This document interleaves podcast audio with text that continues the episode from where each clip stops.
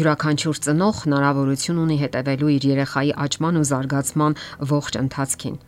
որոշել թե ինչ ազդեցությունների է ենթարկվում նա եւ պատասխանատվություն զգա այն բանի հանդեպ, թե ինչ է լսում եւ տեսնում իր երեխան։ Եվ վերջապես, դասերակցական արվեստը ենթադրում է, որ ծնողը պետք է տեսնի ու հասկանա, թե ինչն է կարևոր իր երեխայի համար։ Մասնագետներն ասում են, որ 3 զգացումներ կան, որոնք կարևոր են երեխայի զարգացման համար։ Դրանք են եզակիությունը, պատկանելիությունը եւ մերձավորների սերը։ Սրանք նաև սեփական արժանապատվության ձևավորման հիմքն են։ Անկասկած է, որ յուրաքանչյուր երեխա եզակի է։ Ոչ մի երեխա նման չէ մյուսին։ Նրանք տարբերվում են իրենց տաղանդներով եւ օժտվածությամբ, իսկ ծնողներից պահանջվում է ընդունել ու գնահատել այդ եզակիությունը։ Պատկանելիության զգացումը ենթադրում է, որ երեխային ուրախացնում է ծնողների ներկայությունը։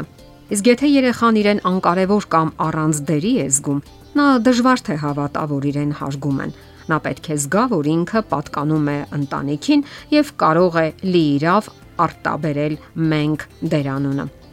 Երբ արդեն մանկուց ծնողները պատշաճ ձևով հոգում են փոքրիկի կարիքները, քնքշորեն գրկում նրան, նա զգում է, որ իրեն գնահատում են։ Դրանից նրա մոտ առաջանում է հիմնարար վստահություն մարդկանց հանդեպ։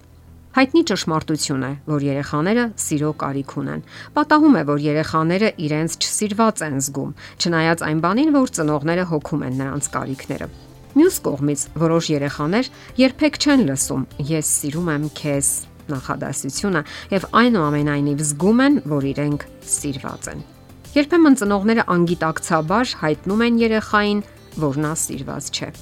Դա տեղի է ունենում այսպես մոտավորապես.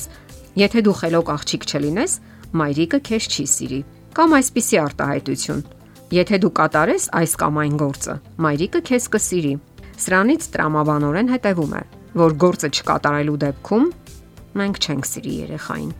Այս բոլորը վերջին հաշվով նշանակում է, որ մեր սերը պայմանական է եւ կախված է երեխայի որոշակի վարքագծից կամ արարքից։ Բավական տարածված են նաև նմանատիպ արտահայտություններ։ Մայրիկը քեզ չի սիրի, եթե քեզ այդպես պահես։ Եթե բանջարեղեն չուտես, հայրիկը այլևս քեզ չի սիրի։ Եվ եթե չդադարես կամակորությունները, դες չեմ կարող սիրել քեզ։ Այդպիսի դեպքերում սերը ժամանակավորապես այսպես կոչված մարում է վատ վարքագծի պատճառով։ Ահա սա է պայմանական սերը, ինչը երեխայի մեջ կարող է անհանգստություն եւ հետագա անլիարժեքություն ծնել։ Ծնողներն իհարկե անգիտակցաբար են անում սա եւ այնուամենայնիվ հետևանքներն իրենց զգացնել են տալիս։ Հիշենք ամենագլխավորը։ Երեխային պետք է սիրել parzapes այն բանի համար, որ նա կա եւ նա մերն է։ Երեխային չենք սիրում այն բանի համար, որ նա իրեն լավ է պահում, որ լավ է սովորում կամ էլ հնազանդ է։ Այս աշխարհում անվտանգության եւ պաշտպանության ոչ մի զգացում չի կարող համեմատվել առանց պայմանի սիրո հետ։ Եթե դուք հենց այդպիսի սիրով եք սիրում ձեր երեխային, նա կզգա իր կարևորությունը, կհասկանա, որ իրեն հարգում են։ Դասյարակող հայրը կամ մայրը պետք է հասկանան, որ թեպետ չկան համընդհանուր ընդունված մոդելներ, սակայն կան սկզբունքներ, որոնց հետևելը շատ խնդիրներ կլուծի։ Դասյարակությունը բարդ արվեստ է, որն ի վերջո տալիս է հասում պտուղներ, անցնելով երեխաների հետ ամենօրյա շփման, հոգեբանական պայքարի, անverջ պահանջների դժվար ճանապարհը։ Այստեղ է որ չպետք է կորցնել ինքնատիրապետումն ու համբերությունը, Իսկ ահա դրա հետևանքները կլինեն կապվածության եւ փոխհմբռնման զարգացումը, երեխայի առողջ ինքնահարգանքի զգացումը եւ այլն։ Հարկավոր է կարևորել նաեւ ընտանեկան խաղաղ մթնոլորտը։ Մշտապես լարված փոխհարաբերությունները, վեճերը միայն հիվանդագին մթնոլորտ են ստեղծում ընտանիքում եւ բացասական տրամադրություն ստեղծում երեխայի մեջ։ Երեխայի մանկությունը չպետք է մթագնված լինի տհաճ հիշողություններով, անտեսվածության զգացումով։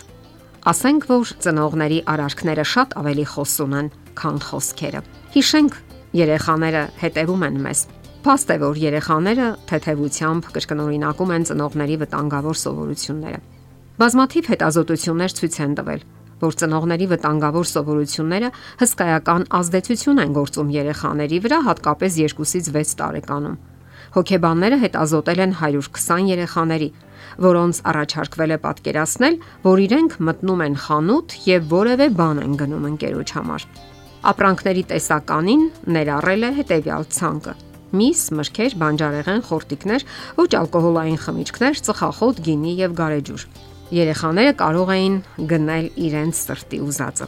Արդյունքում երեխաների 28%-ը գնել էր ծխախոտ, իսկ 61%-ը ալկոհոլ։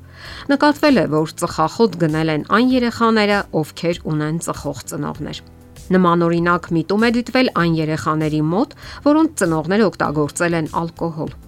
Ալկոհոլ են գնել առավելապես այն երեխաները, որոնք իրենց տարիքին անհամապատասխան ֆիլմեր են դիտել։ Փորձերին մասնակցած Դարտմուրի բժշկական դպրոցի աշխատակից Մադլեն Դալտոնը ասում է, որ հետազոտության ընթացքում իրենց երեխաներին միակողմանի հայելու միջոցով հետևող ծնողները զարմացած էին իրենց ժառանգների ընտրության վրա։ Նրանց համար դա բավականին տհաճ ցնցում էր տեսնել, թե ինչպես են իրենց երեխաները նմանակում ծնողների շարժուձևը, parzabanum է մասնագետը։ Ահա թե ինչու ծնողն ինքը պետք է լինի այն օրինակը եւ բարի խորհրդատուն, որ անհրաժեշտ է երեխային։ Եթերում է ընտանիք հաղորդաշարը։ Ձեզ հետ է Գեղեցիկ Մարտիրոսյանը։